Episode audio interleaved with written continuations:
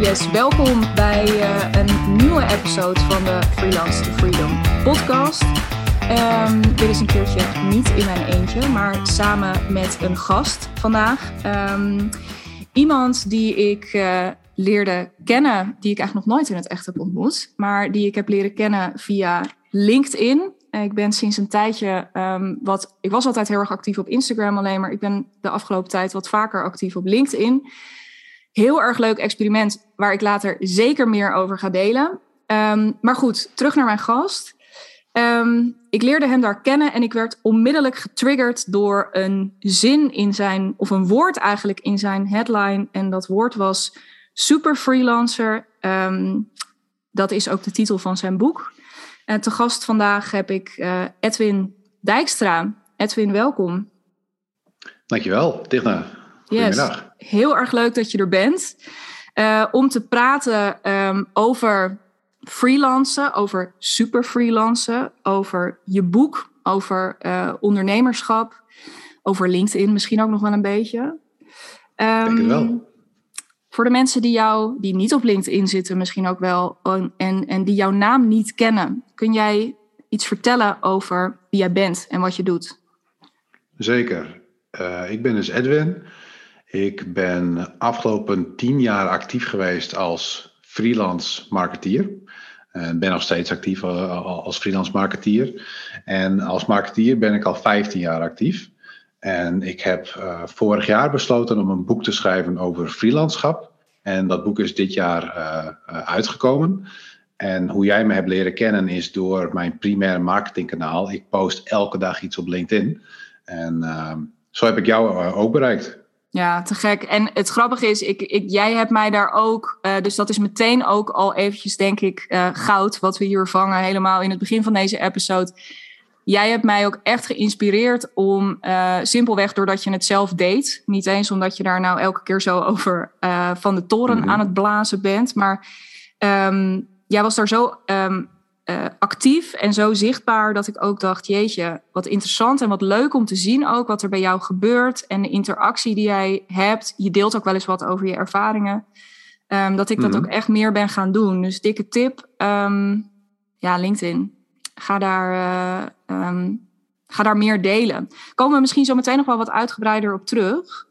En net als dat we het nog uitgebreider ongetwijfeld over je boek gaan hebben. Want um, ik vind het ook heel inspirerend hoe jij überhaupt dit boek hebt um, uh, gemaakt. En vooral ook hoe je het hebt uitgegeven. Dat heb je in eigen beheer gedaan. Um, ja. Dus daar wil ik zo meteen ook nog wel wat meer van weten. Maar ik wil eigenlijk wel eens aftrappen met de vraag: en, um, uh, wat betekent vrijheid voor jou? Want ik las daar ook mm -hmm. over in de introductie van jouw boek. Hè, dat dat ja. ook wel een van voor jou, net als voor veel ondernemers, denk ik, een belangrijke drijfveer is.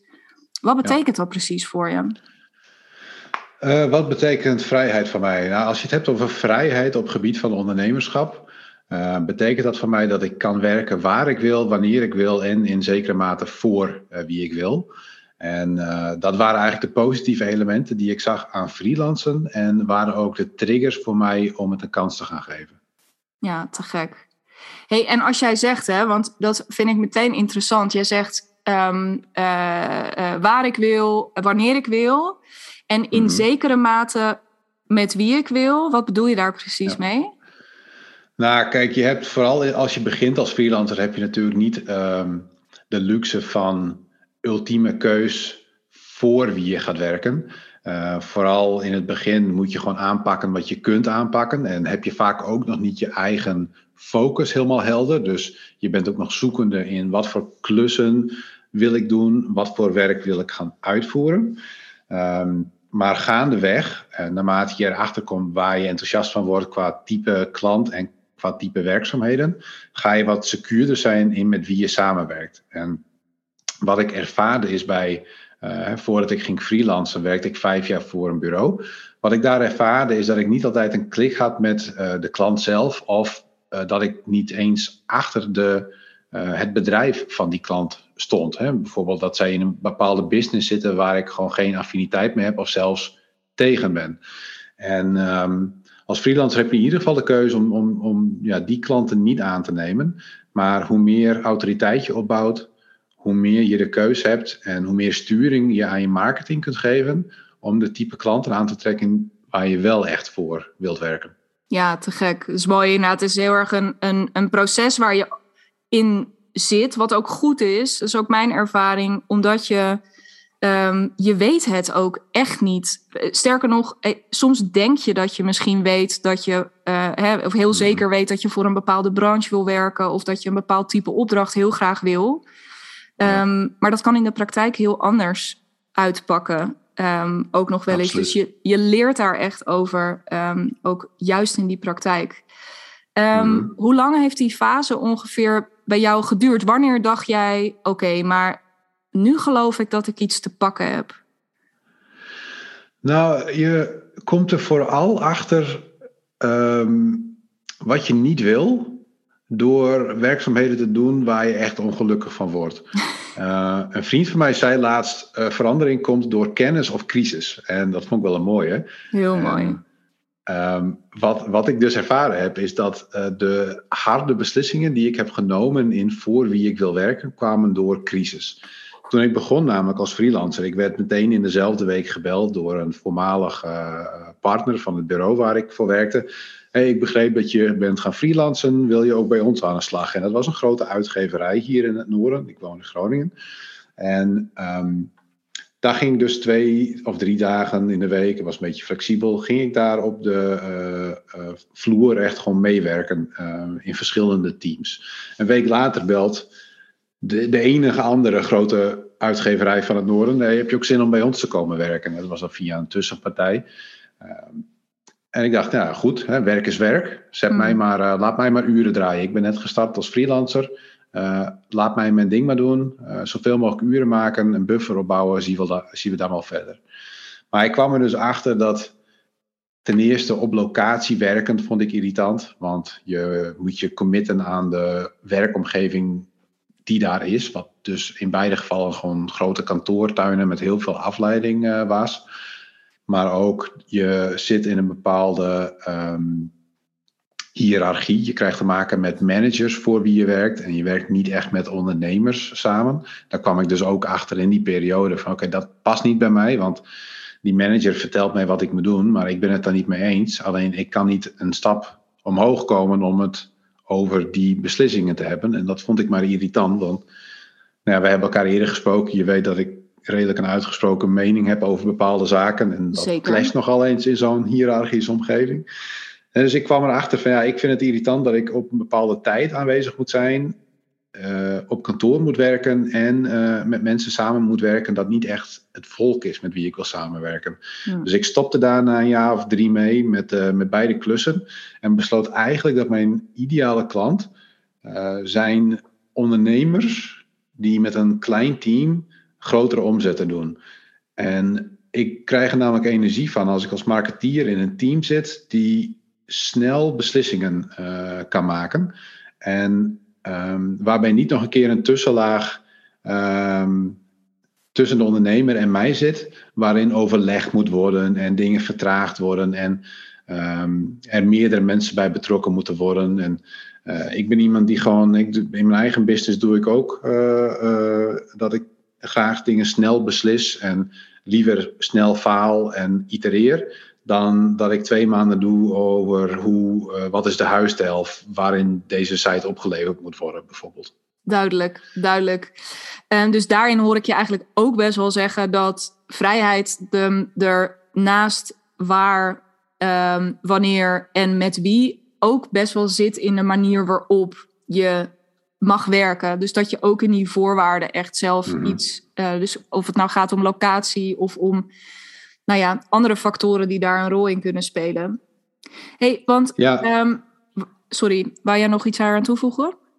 Ja, nou, ik, ik, ik, dacht, er komt een vraag achteraan. Maar wat ik dus zat te denken is, uh, wat, wat, jij zegt, um, uh, die periode leerde mij dus ook, want ik verkocht dus mijn uren.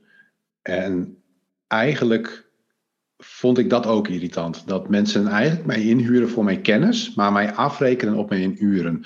Ja. En ik deed in mijn klussen naast die twee grote uh, uh, in-house klussen, uh, deed, managed ik ook al Google Ads campagnes. En dat deed ik op basis van staffels en niet uren. Ja. En dat heb ik dus ook meegenomen toen ik een streep trok door die grote twee samenwerkingen. Dat ik zei, ik ga alleen nog maar werken op basis van value-based pricing. Dus niet meer op uurtarief. Dus dat is ook iets hè, wat ik heb meegenomen in mijn ja, klussen afgelopen acht jaar.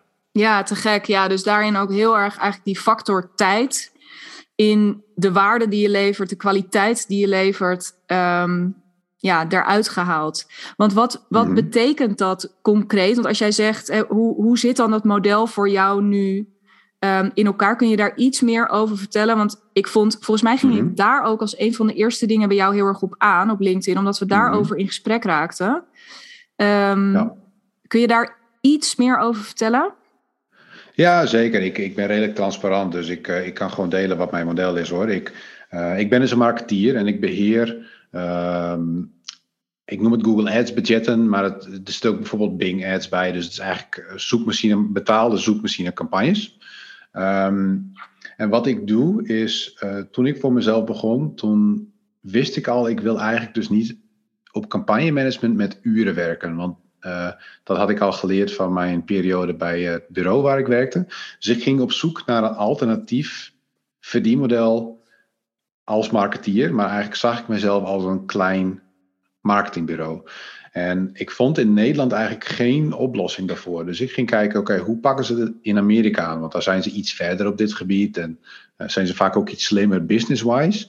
En toen vond ik een model waarin bureaus, uh, er waren een paar bureaus, ik kwam een discussie volgens mij op Quora of op Reddit tegen van, van bureau-eigenaren die zaten te steggelen over wat is nou het meest eerlijke verdienmodel voor ons business.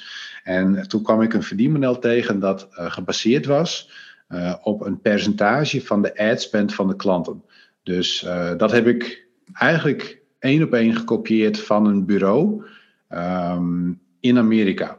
Ja. En dat betekent dus als een klant bijvoorbeeld 1000 euro per maand uitgeeft, dan pak ik 30% en dat wordt dan mijn beloning. Ja. geeft een klant 2000 euro uit, dan pak ik 25%. Dus naarmate de ad spend stijgt, uh, daalt percentueel mijn uh, fee, maar die mhm. wordt in harde euro's wel groter. Ja. Ehm, dus dat, dat is exact mijn model geweest afgelopen tien jaar voor mijn, uh, voor mijn campagne management. Heel interessant. En is dat dan ook nog wel afhankelijk van de performance van die mhm. campagnes of niet? Ja, dus ik heb in het begin als freelancer ook gewerkt voor een marketingbureau. En die wilden eigenlijk alleen maar betaald, betaald worden op uh, performance. Um, en dat vond ik super interessant. Is ook heel erg risky, want je bent heel erg afhankelijk van factoren buiten je controle. Ja, precies. Stel, ik zou mijn fee linken aan de winst of de omzet van een partij, wat veel partijen wel wensen, wat ik snap. Um, dan ben ik afhankelijk van hoe goed hun copy is op hun website, hoe goed hun techniek werkt, hoeveel ze investeren in conversieoptimalisatie, hoe ze hun pricing op orde hebben. En dat zijn allemaal factoren die ik niet uh, in controle heb. Dus ik wist vanaf het begin, ik heb geen zin in discussies daarover. Dat worden allemaal moeilijke contracten en, en lastige discussies als het uh, resultaat tegenvalt. Dus ik heb daar een compromis in. Wat ik doe, is ik ga met uh, leads van mij zitten. En de eerste stap uh, die ik doe is natuurlijk een, een, voorgesprek en een offerte maken. Maar de eerste stap die in de offerte wordt genoemd, is dat we samen gaan zitten om een prognose te maken voor een jaar vooruit. Daar, daarin gaan we per maand bepalen, uh, als wij dit uitgeven, moet dit er voor omzet aan terugkomen. En dat kan flexibel zijn. Hè? Meestal werken we in mijn wereld met een, een soort ROI-target. Dus wat moet de return on investment zijn? Is die op orde? Mag je onbeperkt opschalen over het algemeen? Um, dat is wat ik als eerste doe met de klant. En dat betekent dus dat uh, ik aan het werk ga met bepaalde targets. En uh, mijn klanten weten dus precies, als Edwin zijn targets haalt, dan ben ik dit kwijt aan zijn fee. Niet meer en niet minder. En dat is, dat, dat in het begin vinden een paar dat ik, ik krijg er nooit meer discussie over eigenlijk. Misschien is dat een beetje de autoriteit die ik heb opgebouwd. Maar soms krijg je nog wel eens een vraag van hoe werkt dat precies. Maar als ik dan uitleg, dit is super eerlijk. Want jij weet precies van tevoren wat je kwijt zult zijn. Ik zal nooit meer factureren dan dit. Um, maar dat betekent ook dat ik targets heb. En ik word niet uh, betaald naar die targets, maar andersom, als ik die targets niet haal, en dat gebeurt mij drie maanden op rij, dan moet ik een heel goed verhaal hebben ja. waarom ik die targets niet haal. Ja, dus die motivatie is, die voel je echt wel. Uh, ja, die motivatie is er. Die, die wil ik zelf ook hebben. Ik ben zelf redelijk performance gericht en ook voor mijn eigen business. En uh, hè, dat, dat moet er sowieso in zitten. En dat is ook een deel. Uh, mensen die marketeers inhuren, die willen ook die edge hebben. Hè? Die willen iemand die ze naar het volgende niveau helpt. Juist. En dat doe ik eigenlijk door wel targets op te stellen. En daar mijn fee aan te linken. Hè, niet aan de targets, maar de omzet of de budgetten die nodig zijn om die targets te halen. Ja, te gek. En ik denk ook dat het mooi is, hè, want hierin is, zit ook weer heel erg dat stuk. Uh, daarmee durf je inderdaad, wat, wat, wat uh, ik daar heel erg in hoor, je gaat heel erg staan voor de kwaliteit die jij weet mm -hmm. die je kunt leveren. Ja. Um, zonder dat je daar inderdaad, dus je doet wel een stevige belofte, zonder dat je mm -hmm. gek gaat zitten jongleren met allerlei garanties die je inderdaad helemaal niet waar kan maken. Of mogelijkerwijs niet, niet waar kan maken. En maar wat ik mhm. interessant vind ook hier aan, want als ik hier naar luister, ik vind het sowieso heel leuk om hier naar te luisteren, want uh, dit is gewoon allemaal marketing en ik hou ervan. Maar um, uh, jij zegt terecht ook, hè, eigenlijk ben jij dus weliswaar in je eentje een klein marketingbureau. Um, ik zou jou nooit freelancer noemen vanuit mijn mhm. perspectief, maar jij noemt jezelf wel zo. Ik zou jou veel, voor mij, ja, ik zou jou veel eerder ondernemer noemen. Hmm. Um, dus ik denk, wij hebben daar, denk ik, een verschillende definitie in. Wat is jouw definitie van freelancer? Um, nou, freelancer is eigenlijk iemand die vrij in huur of ja, in te huren is. Um, door, door welke organisatie dan ook. Hè. Je bent eigenlijk, het woord komt oorspronkelijk van, van een soort uh, de vroegere soldaat met een uh, lans. Uh, die niet bij een leger hoorde, maar gewoon vrij inhuurbaar was door wie maar het meeste betaalde. Um, hè, dus de definitie van een freelancer tegenwoordig is natuurlijk iets anders, want ik ga niet met een speer in mijn handen op een slagveld staan. Um, maar in zekere zin um, ben ik nog wel gewoon een één marketeer die niet ambitie heeft om op te schalen met personeel en uh, primair zijn inkomen haalt uit uh, opdrachtgevers die mij inhuren om hun campagnes naar het volgende niveau te helpen. Ik denk waarom jij me meer ziet als ondernemer is omdat ik afgelopen jaren ook bezig ben geweest met het opzetten van extra verdienmodellen. Juist. Hey, ik, heb, uh, ik heb natuurlijk mijn boek geschreven. Ik heb een investering gedaan vanuit een BV waarin ik dan een stille fannoot ben. Maar dat is geen actief, uh, geen actief werk voor verricht. En ik heb natuurlijk commissiedeals met verschillende partijen. Dus uh, ik zie mezelf nog steeds wel echt als een freelancer. Vooral omdat ik in mijn eentje ben en wil blijven. Ja. Ehm, maar er zitten wel nevenactiviteiten rondom mijn uh, freelandschap. Ja, ja, want nou, eh, eh, heel interessant. Ja, en, en jij hebt, nou ja, duidelijk, even los van ook. Um, uh, ik denk inderdaad dat ik op die manier naar je kijk vanwege de redenen die je noemt. En dus inderdaad omdat je heel erg bewust. Um, hè, zo, zoals ik het, en dit is ook een kwestie van dus definitie en uh, ja, daar kunnen we lang of kort over. Ik, ik voel hem heel erg, zoals jij hem ook omschrijft. Bij mij zit dat tijdsaspect er altijd in. Daardoor raakten we ook met elkaar aan de praat. En voor mij, ik, ik stel ja. altijd de definitie: dat is iemand die zijn expertise verkoopt in de vorm van tijd. Um, mm-hmm. Maar goed, zoveel heb jij bewezen. Um, nou ja, dat hoeft wat jou betreft dus niet. Maar jij Juist hebt jezelf, nee. jij bent niet zomaar freelancer. Uh, in ieder geval, ik, ik, jij noemt jezelf, of in ieder geval, jou, jouw boek heet super freelancer, is dat dan weer een mm. hele andere categorie? Of waar kwam die naam vandaan? Oké, okay, ik, ik, ga nog even één stapje terug. Want ja. uh, één ding wat ik even de luisteraar wil meegeven is: uh, als, je, als je dit hoort en je, zit, uh, je hoort mij over mijn verdienmodel praten en je zit zelf nog met een urenbusiness. Eén ding dat ik wil meegeven is: um, opdrachtgevers, bedrijven, die denken niet in uurtarieven die denken in: ik heb een probleem of ik heb een gewenste situatie waarnaar ik toe wil. En dat is mij x waard om in te investeren. En de fout die ik veel freelancers zie maken, is dat ze dan die x proberen om te bouwen naar een aantal uur en een uurtarief. stel, jij bent een start-up en jij hebt een landingspagina nodig voor jouw nieuwe product. Als start-up denk je, oké, ik heb een pagina nodig met tekst die mensen gaat converteren naar klant. En dat mag ongeveer 500 tot misschien wel 1000 euro kosten. En dan kom jij aan als copywriter, ja, ik kost 75 euro per uur. Wat er dan gebeurt, is dat die start-up die moet gaan omrekenen.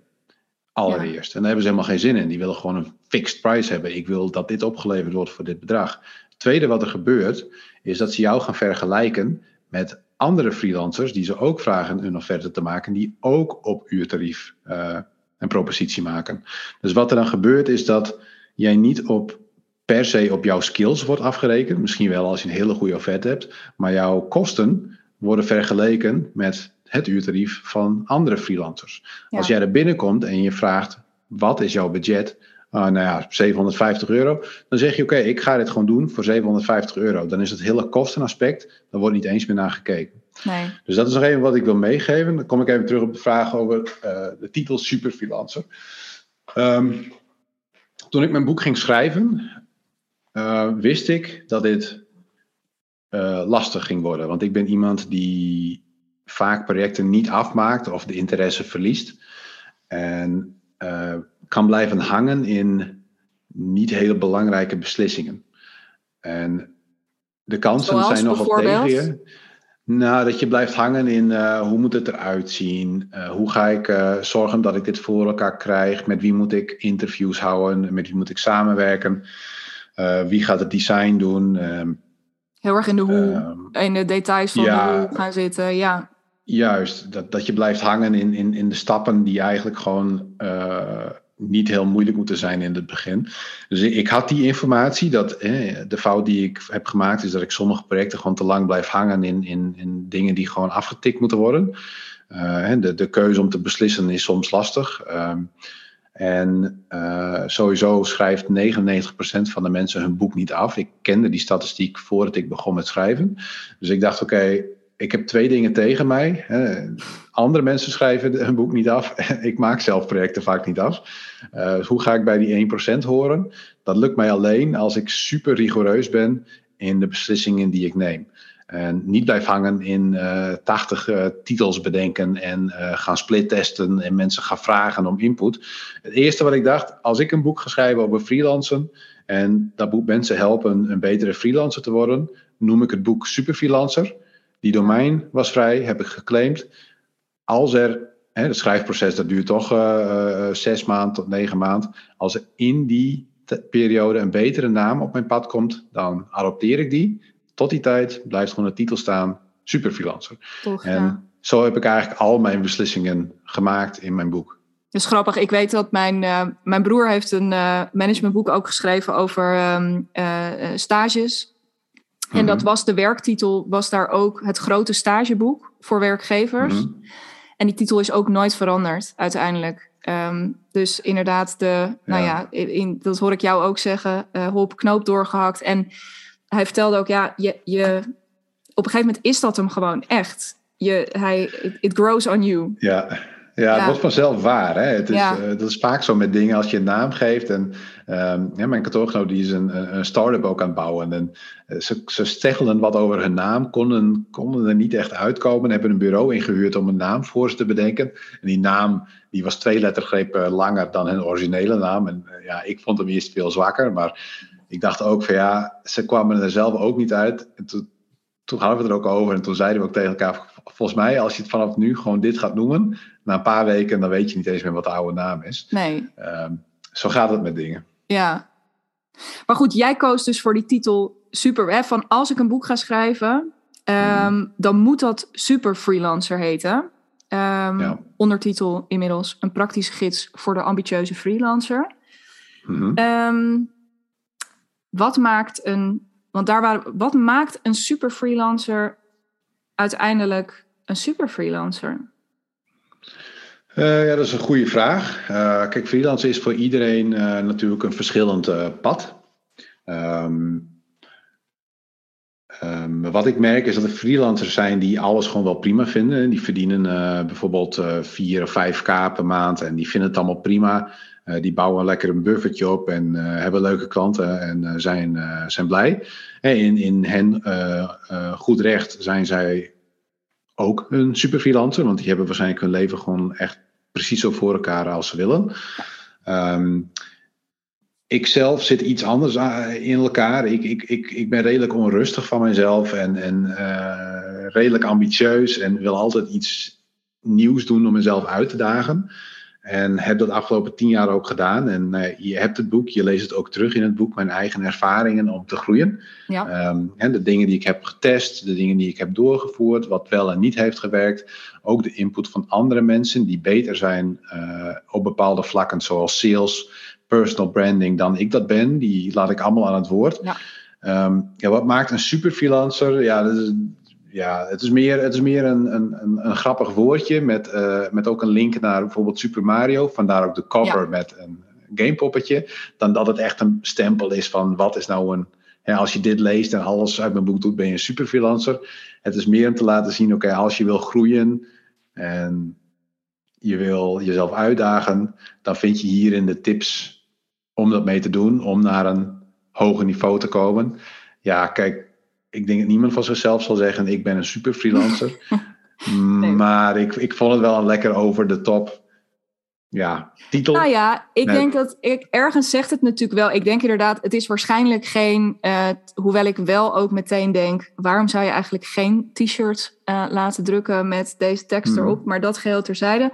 Um, Um, het, zegt natuurlijk wel iets. En niet voor niets heb je ook de ondertitel gekozen die je gekozen hebt. Ik denk dat mhm. Ehm, je natuurlijk wel degelijk dat boek geschreven hebt voor niet zozeer die eerste categorie, die, die zegt van mhm. nou, ik vind het prima en ik ben happy. Uh, je hebt dit echt gemaakt voor degene die op een gegeven moment wil groeien. En die, die er net even wat meer uit wil halen. Of het nou, hè, dat schrijf je zelf ook, dat gaat echt niet al lang, of echt, echt niet altijd alleen maar over geld. Maar dat gaat ook over. Mhm voldoening, zingeving, ja. uh, dat hele stuk. Um, impact, ja. Impact, ja. En ik was wel benieuwd eigenlijk wat, um, ja, wat, wat is voor, wat drijft jou eigenlijk in je, um, in je ondernemerschap? Want ik weet bijvoorbeeld, daar hebben we ook eerder een gesprek over gevoerd en heb je ook al eens iets over gedeeld op LinkedIn. Dat mhm. bijvoorbeeld groeien of met, met uh, dan een team eromheen bouwen en zo, dat, dat interesseert je allemaal niet zo. Nee. Wat interesseert je dan wel? Of misschien sterker nog, wat betekent groei dan wel voor jou? Mm Um, nou, in het dat, dat verschilt per fase waarin ik mij heb uh, bevonden als uh, ondernemer. In het begin was vooral, oké, ik, ik moet geld verdienen. Want toen ik begon, toen was ik echt gewoon hartstikke blut. Ik had uh, twee webshops gehad en die waren, de, de, eerste shop was gegroeid naar de tweede. En de tweede kreeg ik niet aan de praat. En daar zat al mijn spaargeld in. Besloot ik een streep door te zetten. Dus ik was, was hartstikke blut. Dus het eerste was, oké, ik was super angstig om niet genoeg geld te verdienen. En dat zette zich om naar de ambitie van: oké, ik moet nu gewoon zo snel mogelijk een buffer opbouwen en goed geld verdienen. Want anders ben ik straks weer blut. En dat wil ik nooit meer meemaken. En ik, ik wist dat ik in een markt zat met veel vraag en weinig aanbod voor de komende jaren. Dus ik dacht echt, ik ga zoveel mogelijk uren maken, mij zo weinig mogelijk uitbetalen en zoveel mogelijk geld investeren, oppotten. En dat was in, ik denk, de eerste drie, vier jaar mijn primaire motivatie. Gewoon de angst om blut te gaan. en andersom. Dus de, geld. De, het was gewoon de, geld. wens om geld op de. Op, ja, precies. En daarna, toen ontstond dus. Nou ja, kijk, dat, ik zeg het ook in mijn boek. Als, als geld jouw primaire reden is om um, te doen wat je doet, dan kom je er op een gegeven moment achter um, dat dat geen voldoening geeft. Um, want geld is een bijproduct van het werk dat je doet. En het werk aan zich moet al iets waard zijn, los van het geld.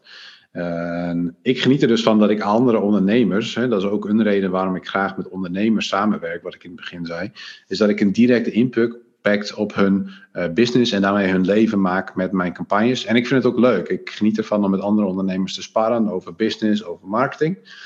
Um, maar er, ontstond dus, dus na, na, na drie, vier jaar de, de, de, kwam een beetje een switch van ja, waar, waarom zit ik zoveel uren te maken? Waarom waarom ga ik niet een stapje terug en ga ik even focussen op, het, op, op iets anders dat mij meer voldoening brengt dan alleen maar partijen helpen die veel te groot zijn, waar ik geen plezier uit haal, et cetera, et cetera. Dus wat ik op een gegeven moment ben gaan doen is ehm, wat minder. Ehm, ik heb, ik heb in mijn zevende jaar als freelancer heb ik mijn twee grootste klanten om die reden, mede om die reden, ontslagen, als je het zo wil noemen. Om voor mezelf even na te denken van wat wil ik nou eigenlijk? Word ik hier nog steeds blij van, van het werk dat ik doe? Word ik nog blij van de manier waarop ik dat doe? Kijk, ik word heel blij van de vrijheid die ik heb. Ik kan werken waar ik wil, wanneer ik wil. En ik heb ook altijd meer leads dan ik aan kan. Dus, in, hè, dus ook weer in zekere mate voor wie ik wil. Ja. Um, dus ik dacht, oké, het werk wat ik doe vind ik nog wel steeds leuk. En, ehm, ehm, maar ik heb op een gegeven moment een buffer opgebouwd dat goed genoeg is om mij niet echt meer zorgen te maken over verdien ik nog wel goed genoeg? Of ga ik ooit nog blut? Dat risico is redelijk nihil uh, op een gegeven moment. En dan ga je nadenken uh, over, oké, wat is dan de volgende stap in mijn carrière? En Um, als je daar een beetje onderzoek naar doet, dan kom je ook op bijvoorbeeld uit de Maslow-pyramide. Ja. dat uh, gaat erover dat wanneer je basisbehoeften hebt gedekt, en dan ga je nadenken over, uh, uh, je wil eerst eigenlijk, je wil een, een, een, dak boven je hoofd, je wil eten op tafel, je wil leuke mensen om je heen, je wil een betekenisvolle carrière. Nou, alles, als je alles op een gegeven moment een beetje hebt afgevinkt, dan kom je op het punt dat je graag andere mensen wilt helpen. En dat besloot ik dus op een gegeven moment. Het was 2018 dat ik besloot: oké, ik heb blijkbaar marketingervaring. Daar kan ik mensen mee helpen. Ik ben toen ook een online marketing minor gaan opzetten voor de Hans Hogeschool hier in Groningen. Daar heb ik al wat lesmateriaal voor gemaakt. Dat vond, nou, dat vond ik echt leuk om, om intrinsiek. Want ik kreeg, ik kreeg daar veel minder voor betaald dan mijn reguliere tarief. Maar ik vond het gewoon leuk om te doen. Toen dacht ik, ja, dat vind ik wel leuk. Dus ik ben toen ook uh, marketingtrainingen wel gaan doen. Um, toen dacht ik op een gegeven moment van ja, oké, maar wil ik voor altijd marketing gaan doen? En in 2018 dacht ik van ik heb ook kennis wel van freelancerschap. Want ik heb dus mezelf elk jaar uitgedaagd en ik heb allemaal dingen geprobeerd. En ik merkte dat de mensen met wie ik samenwerkte ook heel veel interesse hadden in die dingen. En die, die kennis die ik had, die hielp mensen. Uh, ik deel mijn kantoor met een paar andere freelancers. Die konden ze heel goed toepassen en zaten eigenlijk tien keer zo snel op het niveau waar ik zat. Um, met de kennis die ik had. Dus toen dacht ik, kan ik mijn kennis niet in een product zetten? Dus ik begon in 2018 met, met een e-book met 50 tips over freelancen. En dacht dus vorig jaar, 2021. Uh, eh, en dat lag een paar jaar stil, want er kwamen weer wat andere projectjes tussendoor. Weer het bekende van iets niet afmaken. Ja. toen dacht ik, oké, ik heb nu wel echt de, de rust in mijn uh, business gemaakt. Ik heb, uh, de grootste klanten zijn eruit. Ik, ik heb nagedacht wat ik wil. En ik kom toch weer terug op dat verhaal andere freelancers helpen. Toen besloot ik, ik ga van het e-book een echt boek maken. Kijk hoe dat aanslaat en ga wellicht dat, van dat side project een groter project maken. Uh, naarmate ook mijn uh, doelgroep uh, dit goed, goed beoordeelt, maar ook mijn doelgroep groeit op LinkedIn bijvoorbeeld. Ja, heel interessant. Want wat je hiermee eigenlijk zegt, en daar hebben we het ook al eens eerder over gehad, is wat en uh, daarna wil ik ook meer weten, want ik neem een klein voorschot daarmee op wat er hierna komt, denk ik. Maar um, uh, het is echt begonnen als, um, ja, noem het zingeving, noem het gewoon, noem het op voldoening, vervulling. Ja. hè, van ik wil dit gewoon, ik wil gewoon dat dit er komt, heel graag. Mm. En ja, even los van wat het nou effectief gaat doen of zo, even helemaal los van allerlei grote doelstellingen. Maar um, juist daardoor is het best goed gegaan, volgens mij. Uh, dat is waar ja. we. Dat is in ieder geval volgens mij heel erg de stroom waar je nu op zit. Van nou, um, waar voorheen geld mijn primaire drijfveer was, ben ik dat nu aan het omdraaien. En ik draai eigenlijk beter dan ooit. Ja, dat klopt. Het ironische was dat ik ging minder uh, uren maken en mijn inkomen steeg uh, eigenlijk elk jaar nog steeds. Dus uh, dat was ook wel een signaal voor mij, oké, dat de oplossing ligt er niet in het uh, zoveel mogelijk uren maken. Um, en nu was het uh, eigenlijk niet heel, was eigenlijk niet nodig om, om, om, meer te gaan verdienen. En ik had eigenlijk niet verwacht, want ik heb in 2019 mijn financiële doelen helemaal losgelaten. Ik heb, want ik weet als ik ga nadenken over targets, dan ga ik daarna leven. Dus ik heb eigenlijk mijn financiële doel helemaal losgelaten voor 2019 en ben de klanten die ik had gewoon goed gaan helpen. Kwam er een leuke klant aanwaaien, dan ging ik dat overwegen. Maar de rest van mijn tijd ging ik gewoon uh, investeren in uh, samenwerkingen, nieuwe projectjes en dus uh, ook wat uiteindelijk mijn boek zou worden. Ja. Um, maar het voordeel daarvan is, is um, kijk, ik, ik, ik noem wel eens dat um, vaak komt succes uit iets heel zelfverzekerd doen of geen fuck geven om wat het resultaat gaat zijn. En dat is een redelijk dunne scheidingslijn. Maar het resultaat is het vaak hetzelfde. Dat je gewoon gaat doen wat je wil doen. En bij mij was het een beetje een combinatie met mijn boek ook. Van nou ja, ik heb het superfreelancer genoemd. Ik heb er een soort Super Mario poppetje op de voorkant gezet. Ja, alleen al vanwege de vormgeving moet je het willen hebben. Dat is wel echt waar, ja. ja. Kijk, maar dit, is, dit, dit vind ik dus mooi. Want het is een vormgeving wat je nergens anders ziet. En dat is met reden. Want het is eigenlijk geen goede vormgeving en geen goede titel voor een boek om op gevonden te worden via zoekmachines of om in een boekenwinkel tegen te komen. Want het zegt eigenlijk heel weinig en het is zo apart om voor het eerst te zien zonder context dat het eigenlijk gewoon niks zeggend is. Maar dat is typisch zoiets van ja, ik word er enthousiast van en de mensen die mij kennen, die en die het verhaal erachter kennen, die worden er enthousiast van. Daardoor wil ik het graag verkopen en daardoor willen andere mensen het graag lezen. En dat zorgt ervoor dat het boek um, nou ja, redelijk een succes eh, aan het worden is. Ja, want uh, nog even, ik denk inderdaad, dat is denk ik inderdaad wel de grote kracht. Want um, nee, het is niet je average boek als je het, als je het ziet ook, of als je het dat is het inderdaad allemaal niet, maar het is wel, um, het triggert meteen heel erg de aandacht. En precies wat jij zegt, het plezier of zo spat er wel echt heel duidelijk vanaf. Het is overduidelijk mhm. gewoon gemaakt met, ja, gemaakt met heel veel plezier. Het is aanstekelijk, uh, ook in de manier waarop het, uh, waarop het gemaakt is. Um, ja, dat heeft ook te maken met de mensen. Ik, ik, moet zeggen, ik heb samengewerkt met echt topmensen. Ik had het design is gemaakt door een voormalig collega van mij, Vita. Zij is. Uh, uh, we, we werkten bij hetzelfde bureau en zij is daarna een webbureautje begonnen. En ik vroeg haar: Wil je mij een verkooppagina maken?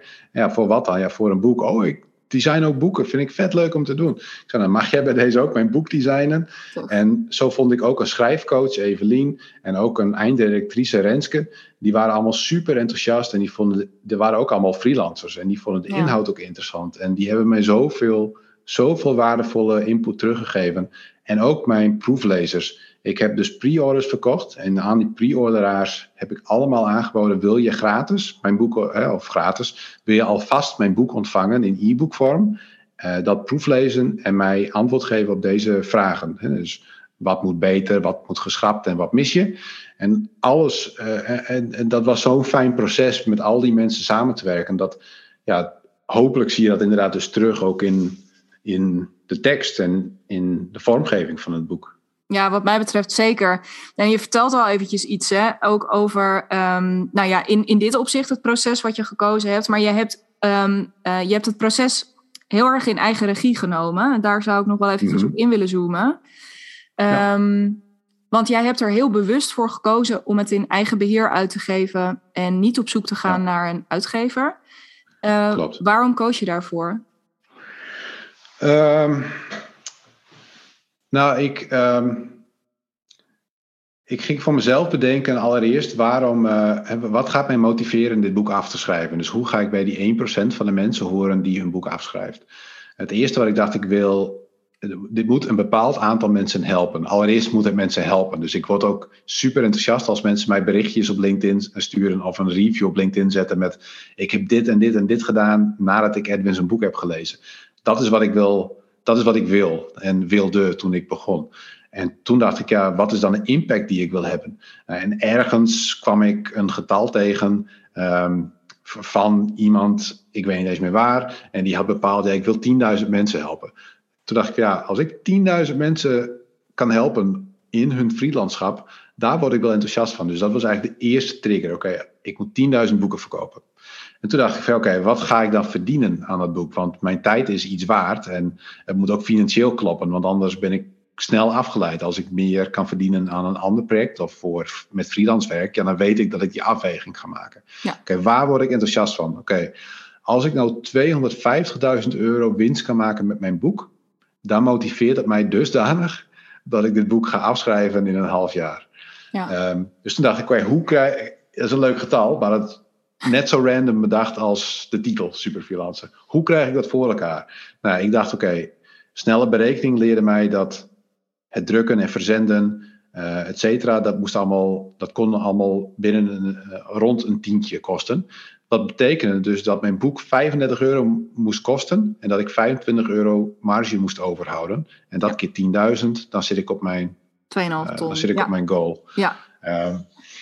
En toen dacht ik van ja, maar ja, dan, uh, dat is leuk, oké, maar hoe ga ik dat doen? Um, dus dan ga je googlen naar uitgeverij. Wat, wat, wat betaalt een uitgeverij een, uh, een auteur uit? En dan kom je allereerst op uh, allemaal horrorverhalen op bepaalde fora. En mensen die heel erg klagen en of niet geaccepteerd worden door uitgeverijen, of wel, maar met allemaal concessies terugkomen. Maar ook dat mensen maar 10% van de verkoopprijs eigenlijk betaald krijgen vanuit een uitgeverij. En ik dacht, ja, een uitgeverij die gaat niet een boek voor 35 euro verkopen. Die denken, die kerel is hartstikke gek. Die, dat boek gaat dan gewoon voor 20 of 25 euro in de schappen liggen. En dan krijg ik 2 euro per boek. Van ja, dat, dat gaan we niet doen. Nee. Dus dat was vrij snel, oké, okay, ik kan zelf, ik ben een marketeer, ik kan mijn boek zelf vermarkten. Zo dacht ik ook toen ik freelancer werd. Ja, ja. Als ik freelancer ben, kan ik mezelf ook vermarkten, want ik ben marketeer. Dus dat is geen probleem. Ik kan de techniek ook uh, optuigen. Dus ik kan op mijn eigen verkoopplatform uh, verkopen. Zodat ik uh, met een bol.com of al die boekenhandels, die, die pakken 40 tot 50 procent marge van je boek. En dat blijft vrij weinig over. Als je daar, dan moet je zelf ook nog alle productiekosten betalen. Dus ik dacht, ehm, een uitgeverij klinkt niet heel interessant. Wat is het alternatief?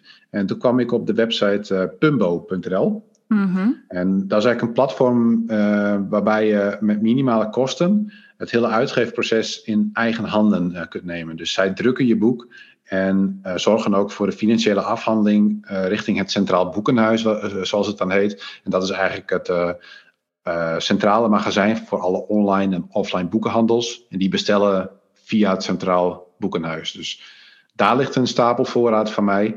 En ik verkoop ook via mijn eigen website, dus edwin.nl of superfreelancer.nl. En die voorraad die ligt gewoon in mijn schuur en die uh, druk ik zelf in de brievenbus. Ja, ja te gek. Hey, want, um, uh, nou ja, en, en heel benieuwd natuurlijk, want je boek is in mm, begin april, maart. eind maart uitgekomen. Eind maart, ja. Um, wat, wat maak je mee sindsdien? Hoe, hoe, hoe zit je in dat? Hè? Want je bent heel tof ook hoe je dat beschrijft. Je bent dus echt begonnen met vanuit het einde. Dus echt vanuit het eindresultaat. Mm-hmm. Je bent toen terug gaan engineeren naar... oké, okay, hoe moet ik dat dan doen? Ja. Um, nu zitten we in dat proces. Hoe ga je met betrekking tot ook je... nou ja, de keuzes die je gemaakt hebt... Um, mm-hmm. Gaat het goed? Is het wat je ervan verwacht had, zover? Ook qua verkoop, qua aandacht die het krijgt? Uh, ja, ik ben, ik ben allereerst. Uh, ik vond het super spannend om het boek daadwerkelijk te lanceren. Al uh, wist ik dat het een redelijk, redelijk goed boek zou zijn. Um, ten eerste omdat ik gewoon goede kennis had ingekocht om mij te helpen. Maar ook mijn proeflezers, daadwerkelijke klanten, heb ik allemaal gevraagd: wat moet er gebeuren? Of wat voor cijfer geef je het boek? En wat moet er gebeuren om het een half punt hoger te krijgen? Tof, en ik, ja. ik had alle feedback, echt letterlijk alle feedback doorgevoerd. Misschien een paar puntjes waarvan ik dacht, ja, de ene zei, ik wil minder eigen verhalen van jou lezen. En de ander zei, ik wil meer eigen verhalen van jou lezen. ja, ja je, kunt, je kunt natuurlijk niet alles doorvoeren. Maar ik heb alles serieus genomen, tegen elkaar afgewogen wat een conflict was. En uh, naar eigen inzicht dan de beste beslissing genomen. Dus ik wist uh, dat dit voor iedereen die mijn boek heeft gelezen, minimaal een 8 zou zijn. Ja. Um, ik vond het super spannend, alsnog. Uh, waar ik het meest blij mee was, is dat ik dat daadwerkelijk in de praktijk ook die reviews terugkrijg. Dus je ziet het op bol.com, op Managementboek en ook op uh, uh, LinkedIn. En mensen die een review op LinkedIn delen of mij DM'en, uh, die allemaal super enthousiast zijn over vooral de praktische kant van het boek. En dat is bewust. Ik haat namelijk boeken die je uitleest en dan denkt, oké, okay, wat ga ik nou doen met deze kennis? Ja. Ik heb elk hoofdstuk of elk kopje in mijn boek is een actief geschreven vorm. Ja. Dus doe dit, houd hier rekening mee, begin hiermee. Je, kunt, je eigenlijk na vijf minuten het boek neerleggen en je kunt aan de slag. Ja. En ehm, dus dat krijg ik heel veel terug, waar ik heel blij mee ben. Ik heb nu inmiddels ongeveer 600 uh, boeken verkocht. Zo. Um, uh, en even voor context, als je duizend boeken verkoopt in Nederland, dan word je min of meer gezien dat het een redelijk goed verkopend boek is. Dus dat is mooi. Ja. Uh, maar het geeft dus ook aan, we zitten straks twee maanden na lancering, uh, over krappe twee weken. Um, ik zit nog niet op de lijn van de 10.000 boeken uh, dit jaar. Um, dus het, het, aan de ene kant kun je dan zeggen, ja maar Edwin, dan heb je gefaald. Uh, maar het voelt niet zo. Het voelt alsof ik een doel heb opgelegd uh, die mij motiveerde om daadwerkelijk dit proces aan te gaan en het boek af te maken. Uh, maar in de praktijk, het zou mooi zijn als ik die 10.000 haal. Want ik heb ook 4.000 boeken laten drukken. Ik bedoel, ik zou blij zijn als die de deur uitgaan. Want dat is een flinke fucking investering. Ja, ja dat is echt niet normaal. Maar, de, de, dozen die staan daar opgestapeld. Dus langzaamaan, één voor één, zie je wat verdwijnen. Maar, um, dus ik heb 600 verkocht en elke dag verkoop ik er een aantal. En ik heb het idee dat het aantal gemiddeld gezien uh, steeds stijgt. Uh, je krijgt mond-tot-mond reclame. Mijn uh, bereik op LinkedIn en mijn kwaliteit op LinkedIn stijgt ook. Ik doe wat podcasts zoals dit. Ik doe gastblogs. elke dag ben ik eigenlijk een uurtje bezig met zelfpromotie. En dat betaalt zich wel uit. Dus nou, om antwoord op je vraag te geven. Wat ik vooral terugkrijg zijn hele positieve reviews die mij heel erg blij maken. Um, aantallen waar ik ook blij van word.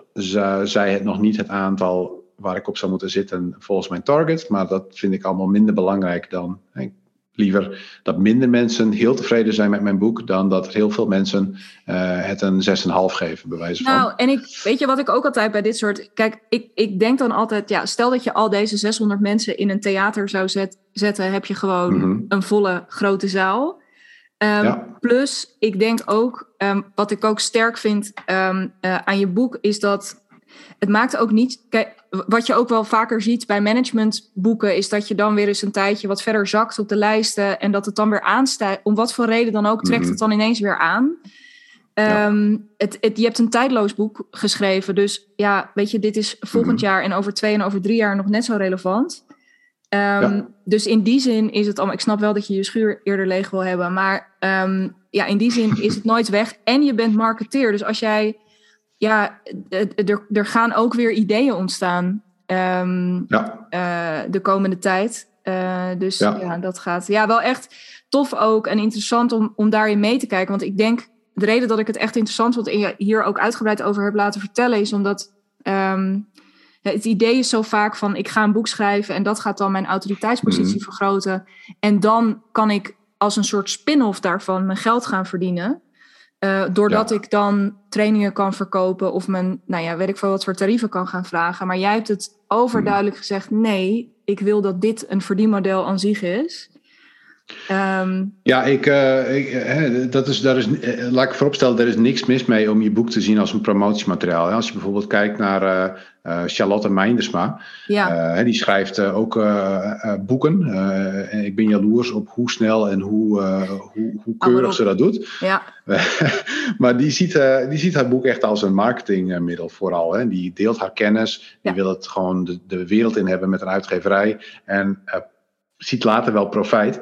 Ik heb het anders gezien. Ik dacht, ik deel gewoon een masterclass freelancen in papiervorm. En dat moet gewoon een verdienmodel op zich zijn. Ja, ja tof. En ook daarin dus weer heel erg um, zo overkoepelend, denk ik ook. Wat je ook al zei over sommige freelancers zijn blij op een bepaald punt, anderen niet. Het gaat er heel erg om, wat is je doel? Waar werk je naartoe? Um, ja, wat vind je belangrijk? In dit geval dus inderdaad, wat, ja, wat is überhaupt de beweegreden dat je dat boek maakt? Um, ja. En als dat marketing is, dan is dat natuurlijk oké. Okay, maar ik vind het belangrijk en tof ook dat je dit deelt om ja, ook in ieder geval geprikkeld te raken. Ik weet dat dat bij mij gebeurd is en ik hoop dat dat bij de luisteraar ook gebeurt. Voor, als er een wens is om een boek te schrijven van hé, hey, weet je, er zijn andere manieren. Um, mm. Ga dat onderzoeken. Hey, want ik kan me voorstellen, um, ook uh, richting een uh, afrond. Ja, hoewel ik het gevoel heb dat we ook een marathon-podcast van vijf uur uh, op zouden kunnen nemen zonder problemen. wat misschien ook nog wel bij, een leuke uitdaging zou zijn. Maar daar gaan we dan later nog wel even over verder kletsen. Um, er zijn natuurlijk, iedereen die luistert, ik denk dat, dat het overgrote deel niet bij die 600 hoort die um, je boek al in huis heeft. Uh, ik ga je zo meteen natuurlijk vragen om te vertellen waar ze dat dan kunnen bestellen, zodat daar verandering in komt. Mhm. Maar um, als je nou alvast één advies uit je eigen boek zou mogen halen, waarvan jij zegt, mhm. nou, als ik dan één ding echt mee zou mogen geven, dan zou het dit zijn. Wat zou je dan nog willen zeggen? Nou, ik denk het meest algemene advies dat voor de meeste mensen relevant is en waar mijn boek ook mee begint Waar ik heel erg in geloof is jezelf specialiseren. Ehm, en dat kun je doen op meerdere manieren. Je kunt je specialiseren in uh, de dienst die je levert, um, of de klant waarop je focust. En uh, dit gaat er het meest mis als ik uh, op LinkedIn of in real life met freelancers spreek. Een praktisch voorbeeld is bijvoorbeeld dat ik had vorige week een post. En ik was eigenlijk vergeten dat het zinnetje tussen haken erin uh, stond. Maar ik had een post geplaatst over waar kun je, wat zijn, wat zijn freelance, um, um, met welke functies als freelancer kun je uh, op dit moment 10k per maand verdienen. Ja. En ik had een lijstje erin gezet en daar stond tussen uh, social media ads manager. En tussen haakjes ben je er een, stuur mij een berichtje, want ik zoek iemand. Ja, ja, ja. ik plan dus al mijn berichten ver van tevoren in en ik was vergeten dat het bestond. Dus ik kreeg allemaal aanbiedingen van mensen in mijn DM's. Echt 15 mensen die zeiden, ja, ik, ik ben zo iemand, wat, waarmee kan ik je helpen? En uiteindelijk heb ik met niemand, heb ik niemand geïntroduceerd bij mijn klant. En dat kwam omdat iedereen het erbij deed. Of ze waren nog geen fulltime freelancer en hmm. deden het naast het dienstverband. Of ze deden en Google Ads en uh, social media ads. Of iets anders. Of ze waren gewoon freelance marketeer. En dan denk ik van ja, nee, dat is niet wat ik zoek. En um, uiteindelijk heb ik niemand geïnteresseerd. Want ik wil gewoon de beste fulltime dedicated freelancer op social media ads introduceren.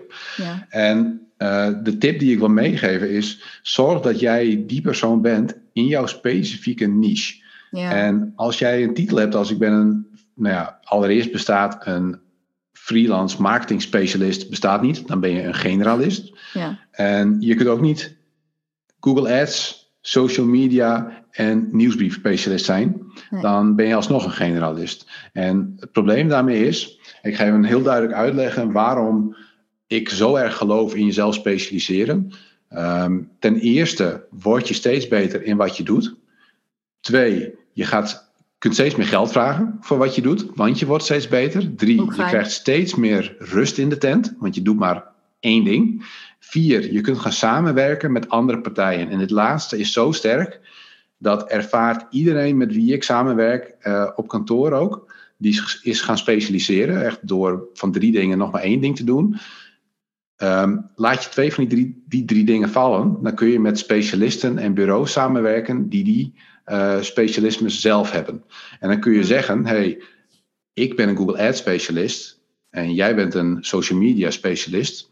Wat als ik nou klanten aan jou koppel en dan geef je mij 10% commissie en andersom? Ja. En ineens heb je de helft van je sales heb je uitbesteed bij een partij uh, waarmee je vervolgens ook nog gaat samenwerken in dezelfde cases. Ja. Um, dat, is dus, dat is de belangrijkste tip die ik mee zou willen geven. En ook de start van mijn boek. Hoe je je specialisme vindt en bepaalt. Ja, ja te gek. Ja, ik denk ook echt inderdaad wat jij zegt. Het is, um, het is zoveel waard. Dat heeft ook heel erg met vertrouwen te maken. Um, het is zoveel waard als mensen echt weten, zoals jij het ook omschrijft, je wil gewoon het gevoel hebben. Dat zeg ik ook altijd tegen mijn klanten. Je wil als klant het gevoel hebben, dat geldt voor mij ook als ik klant word bij iemand. Maar oké, als ik met mhm. jou ga werken, dan komt het goed. Dan, dan wordt het geregeld. Dan, dan is het. En nou ja, een van de dingen dat heeft met verschillende factoren te maken, maar een hele belangrijke hierin is. wil gewoon weten waar je van bent. En wat ik misschien nog daaraan toe wil voegen, want ik weet, een van mijn klanten Um, zit heel erg op het stuk, uh, dus ook uh, multi-passionate, multipreneur zijn. Mm dat kan ook, weet je, het is niet als je dan meer generalistisch of breder of als je verschillende facetten wil inbrengen, kies daar mhm. dan volledig voor. Maak daar dan je ding van. Ga daar dan volledig voor staan. Um, Maar kies. Ja, maak heel duidelijk voor mensen waarvoor ze wel, of misschien soms ook waarvoor ze niet bij je moeten zijn. Uh, want nou ja, om nog maar een oud mooi marketing credo er dan in te gooien. Ik bedoel, no like trust is wel gewoon, ja, dat, dat, dat is het. En je wil naar die trust. Mhm. Anders dan wordt het niks. Ja, en je mag dus ook prima generalist zijn. Het kan zijn dat je het zelf gewoon onnodig moeilijk maakt. Maar je kunt als generalist dus ook specialiseren. Je kunt prima zeggen, ik ben een marketinggeneralist binnen Groningen. Of ik ben een marketinggeneralist voor startups. Juist. Um, hè, specialiseer je dan in het type klant of geografisch of qua budget. Ik ben, ik ben, uh, ik ben uh, business coach voor startende freelancers bijvoorbeeld. Juist, juist. Ja, super slim. Maar inderdaad, maak, dat is hem. E-, eigenlijk zeg je vooral gewoon, maar ga kiezen. Kies, want ja, anders um, word je gekozen of in het ergste geval mm word je niet gekozen. En dat is natuurlijk helemaal ellende. Mooi. Um, voordat ik je ga vragen um, om nog even jezelf ook uh, mensen te vertellen waar ze je kunnen vinden, waar ze je boek kunnen bestellen. Um, uh, dankjewel allereerst voor dit gesprek. Ik vond het super inspirerend en heel fijn. En ja, ik, ik nogmaals, ik zou zo nog een tijdje met je door kunnen praten. Hebben we iets, we hebben lang, of nou ja, niet super lang, maar wel redelijk lang gepraat. Hebben we iets niet aangestipt waarvan jij denkt, god, daar hadden we het eigenlijk over moeten hebben? Uh, nou ja, we hebben elkaar eerder gesproken en ook voor deze podcast. Ik denk dat er nog wel genoeg onderwerpen zijn waarvan we zeiden, hey, die, zijn, die zijn interessant om het over te hebben. Kan de volgende keer wel. Maar uh, volgens Heb je een voorbeeld? Ik ben nu nieuwsgierig. Nou, bijvoorbeeld, uh, je zei nog van hoe kom je af van je, van, je, van je urenmodel. Ik heb wel uitgelegd over hoe ik dat heb gedaan. Ja. Um, maar niet echt hoe je, hoe je dat in praktische vorm voor jezelf toepast. Of, ja. Um, hè, er zijn nog wel. Uh, hoe je ook de stap maakt van freelancer naar bijvoorbeeld een, een grotere business, behalve dan dat je zonder mensen in te huren, bijvoorbeeld. Ja. Um, ik denk dat er nog genoeg onderwerpen zijn waar we volgende keer over kunnen praten. Maar ik denk voor nu dat het gewoon al lekker, lekker ja, een mooie combinatie hopelijk is van een beetje inspiratie en praktische inzichten. Ja. Um, volgens mij hebben we niet echt iets vergeten in dit verhaal waar we het nu over hebben gehad, waarvan ik denk, dit missen we nog. Nee, ik, uh, voor mij voelt hij ook heel erg rond. En um, laten we bij deze ook gewoon afspreken dat we dit gesprek um, nog een keertje voortzetten. Ergens in de loop van dit jaar. Dan is het ook leuk. Dan kunnen we ook gewoon weer even inchecken. Ben jij weer verder uh, richting die 10.000? Uh, ik hoop het. En, ja, weet je, nee, maar dat, dat lijkt me oprecht heel leuk. Spreken we bij deze af. En um, ja, god, dan komen we eindelijk bij dat moment. Um, vertel, als mensen met je na willen praten, vragen voor je hebben, um, waar vinden ze je en waar kunnen ze het beste je boek bestellen? Uh, mocht je mijn boek willen kopen, kun je dat doen in de boekhandel waar je het liefst ja, je boeken koopt. Het kan zelfs je lokale boekenhandel zijn, dan steun je de lokale economie een beetje. Je kunt gewoon vragen naar mijn boek, bestellen ze bij het Centraal Boekhuis. Is ook gewoon te kopen op bol.com, Managementboek of uh, Bruna. Um, wil je hem graag op mijn eigen site kopen? Dat kan ook. Ga dan naar edwin.nl en dan vind je hem daar rechtsboven in het menu. Top. Krijgen ze dan een gesigneerd exemplaar? Uh, ik signeer uh, niet meer helaas, want dat, nee, ik, nee, nee, nee. nee. Het, als je het echt heel graag wil, dan stuur me even een berichtje op LinkedIn en dan signeer ik hem voor je. Bij deze is dat beloofd. Top. Alright. Hey Edwin, uh, dankjewel. En dus ook bij deze heel graag tot ons uh, vervolggesprek later dit jaar. Ja, dankjewel voor de uitnodiging. En uh, ik ben benieuwd naar de reacties. Ik ook.